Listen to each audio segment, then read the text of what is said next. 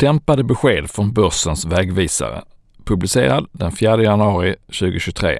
Mitt namn är Martin Blomgren. Närmar vi oss en börsvändning efter ett dystert 2022? Ja, ska man tro de alternativa vägvisare som vi har lyssnat på så finns det ett visst hopp, men det kan vara klokt att vila på hanen ytterligare en tid. I veckan kom en ny kavalkad av inköpschefsindex som visar hur inköpsplanerna och därmed framtidstron ser ut hos företagen. Det är en av de mer pålitliga och bevakade konjunktursignalerna och att de flesta länderna fortsatt ligger på en indexnotering under 50 visar att inbromsningen i världsekonomin fortsätter. All data som kan ge en tidig indikation på var de ekonomiska vindarna blåser är hårdvaluta om man ska försöka förutspå aktie och valutakurser. Parallellt med inköpschefsindex och andra konjunkturmätare letar finansmarknaden därför alltid efter andra pusselbitar som kan ge en så komplett bild som möjligt. Förra hösten gick vi igenom ett antal smala indikatorer som kan ge vägledning för börsen. Då hade covid-panik övergått till börseufori och det var mestadels högtryck. Idag är bilden mer dämpad, som vår uppdaterade genomgång ska visa. Betalkortsdata. Hushållens avtagande konsumtionskraft var en nyckel i förra årets börsnedgång. Och att bedöma hur motståndskraftiga konsumenterna är i år blir även en nyckel för en eventuell återhämtning. Genom att följa hur våra betalkort används får man en väldigt snabb indikation på våra shoppingmönster.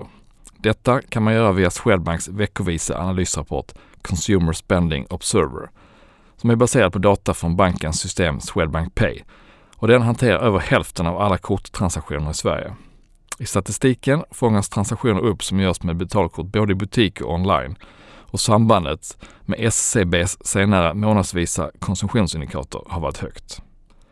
I den senaste rapporten, som sträcker sig fram till 17 december, framgår att den totala konsumtionen har fallit under nivåerna från samma period i fjol med 4% trots en hög inflation. Justerar man för inflation handlar det om en nedgångstakt i konsumtionen med runt 10% vilket pekar mot att julhandeln kan ha varit riktigt blek mätt i volym. Det är få sektorer som klarar sig bra i det här klimatet, men riktigt tungt går det enligt Swedbank för möbel och hemelektronikshandeln just nu. Där har inköpen dykt igen i december efter en anhängningspaus under kampanjperioden Black Friday. Även SE-banken släpper statistik över sin betalkortsdata och den visar en liknande bild som Swedbanks. Här finns dock en nyare siffra att tillgå som omfattar även vecka 51 och visar på en viss återhämtning under dagarna precis före jul. Analytikerna på SEB tar dock uppgången med ro och pekar på att löneutbetalningar och julhandel har påverkat positivt. Bankens huvudscenario är att det här är ett hack i nedåtgående trend och att konsumtionen fortsätter falla efter helgerna. Med höga elräkningar, räntehöjningar som successivt slår igenom och fortsatt hög inflationstakt är det svårt att argumentera mot det scenariot de närmaste månaderna. Baltic Dry Index. Sjötransportbehovet är en klassisk konjunkturmätare och dynamiken är att ju fler slutprodukter som efterfrågas, desto mer råvaror behöver flyttas för att fylla på fabrikerna och då ökar också behovet av transporter av exempelvis kol, järnmalm och spannmål. Stora bulkfartyg är samtidigt trögrörliga och tar lång tid att bygga, så utbudet är på kort sikt svårt att påverka. Och då blir priset för frakten, det som kallas för fraktraterna, en stark signal om trycket i tillverkningsindustrin. En av de vanligaste måttstockarna på fraktraterna är Baltic Dry Index.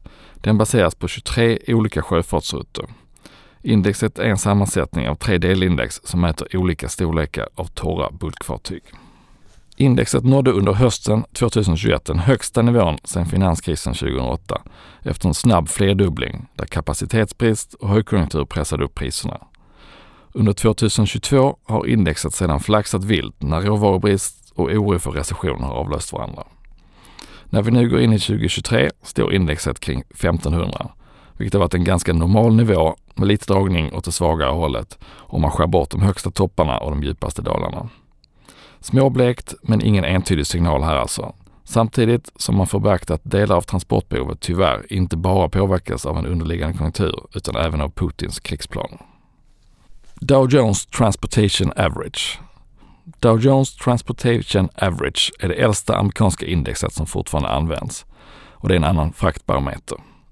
Indexet, som först bestod av nio järnvägsbolag, innehåller nu 20 olika transportbolag, däribland ett flertal flygbolag och paketjättarna Fedex och UPS. Precis som Baltic Dry så toppade det här indexet under hösten 2021 och har sedan varit i nedåtgående trend med tillfälliga uppgångar under fjolårets börsrally.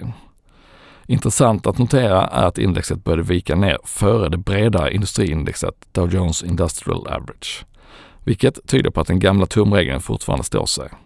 En regel som säger att the industrials make, the transport takes. Alltså, om transportaktierna faller medan industriaktierna stiger skulle det enligt det här synsättet vara ett tecken på att varor inte skeppas ut i samma takt som de produceras och att en ekonomisk avmattning då är att vänta. Den här gången blev det rätt, även om räntehöjningar och krig spelar in i börsutvecklingen också förstås. Och ska man gå på tumregeln även framåt så kan man konstatera att transportaktierna även de senaste månaderna har gått svagare än industriindex. Inget stöd för en snabb konjunkturåterhämtning att hämta från, de här, från det här indexparet med andra ord. Arkitektindex. Ett större bygge föregås av en arkitektritning och därför visar arkitektfirmornas fakturor även vägen för framtida efterfrågan från byggfirmor. Oftast handlar det om en ledtid på 9 till 12 månader från faktura till byggaktivitet och bolag som låsjätten Assa Abloy tillhör aktörer som kan förutspå delar av sin försäljning genom att följa arkitekternas aktivitet. Den mest använda indikatorn i sammanhanget är Architecture Billing Index, ABI, som mäter faktureringsläget kopplat till kommersiella byggaktiviteter i USA. Skiljelinjen mellan tillväxt och stagnation går vid 50 och i oktober förra året sjönk indexet under 50 för första gången på två år. November följde i samma spår och sjönk ytterligare, från 47,7 till 46,6.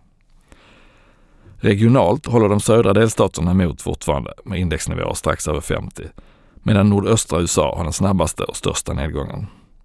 Uppdelat per typ av byggnation har de offentliga byggena stått emot bättre under tidigare delen av hösten, men nu är även dessa projekt på nedgång, liksom industri och bostadsbyggandet.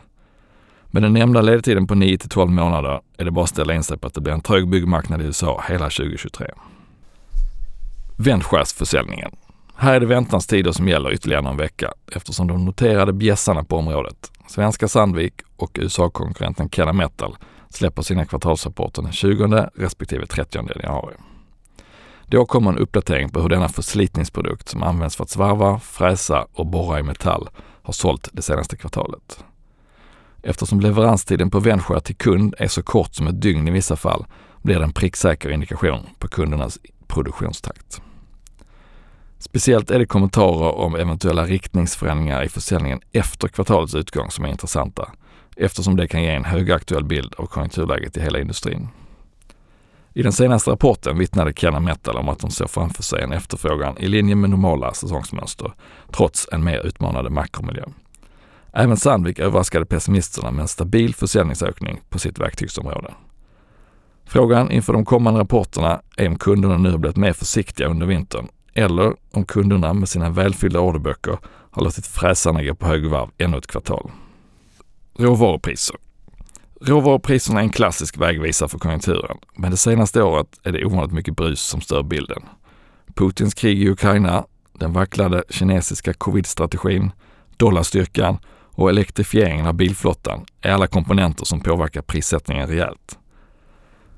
Den sistnämnda komponenten gäller inte minst för koppar. Det är en råvara som trots det brukar pekas ut som ledande på grund av sitt breda användningsområde inom industri, inom industri och elektronik. Priset på koppar lyckades hålla fanan högt en bra bit efter att Ryssland attackerat Ukraina i februari i fjol. Men sen har recessionsoron gått hårt åt metallen. Från botten i somras har dock priset hämtat sig markant och ser nu ut att stabiliseras omkring 8400 dollar per ton. Även priset på olja, stål och järnmalm har pignat till lite de senaste veckorna. Men det behövs nog en mer uthållig trend för att våga säga att råvarorna har börjat ge grönt ljus för en vändning i ekonomin. ACT och FTR. Branschstatistik som uppdateras snabbt eller som avser orderingång har kurspåverkande potential på börsen. Ett exempel är branschorganisationerna ACT och FTRs lastbilsstatistik för Nordamerika som har tydlig bäring på Volvo. ACTs senaste siffra över preliminär orderingång på tunga lastbilar, klass 8, avser november och visade på fortsatt stora förbättringar jämfört med samma månad året före, men också en avkylning från höstens höga nivåer tidigare, ner till 33 000 enheter. FTR å sin sida uppskattar orderingången till något högre tal i november, drygt 34 000. I mitten av december kom ACT även med en uppdaterad utblick för 2023 där man höjde sina utsikter för året något. De ser fortfarande att en recession ligger i korten, men det motverkas av ett uppdämt behov av att köpa lastbilar och stora orderböcker som gör att tillverkarna kan hålla en hög produktionstakt långt in i andra halvåret. Försiktigt positivt för Volvo, men frågan är vad som händer när de redan lagda beställningarna har betats av efter sommaren. ACTs bedömning är att orderingången då kan krypa ner mot, eller under, nivåer kring 20 000 fordon, vilket motsvarar efter, ersättningsefterfrågan på marknaden. Sammanfattningsvis kan vi konstatera att de flesta parametrarna i vår sammanställning pekar på fortsatt inbromsade förhållanden eller i bästa fall stabila. Börsen kommer visserligen inte att vänta på att få en vändning fullt ut bekräftad utan springer som vanligt i förväg om det vankas bättre tider. Men då många signaler har slagit om åt det negativa hållet ganska nyligen ter det sig väl tidigt att satsa på en konjunkturledd börsuppgång redan nu. Om ett par månader eller kvartal kan dock bilden vara annorlunda. Skulle vi få fortsatt svaga makrosignaler parat med centralbanker som lugnar ner sig och börsbolag som bromsar in men inte tvärnitar, då kan mycket väl grunden för en långsiktig börsbotten läggas under årets första hälft.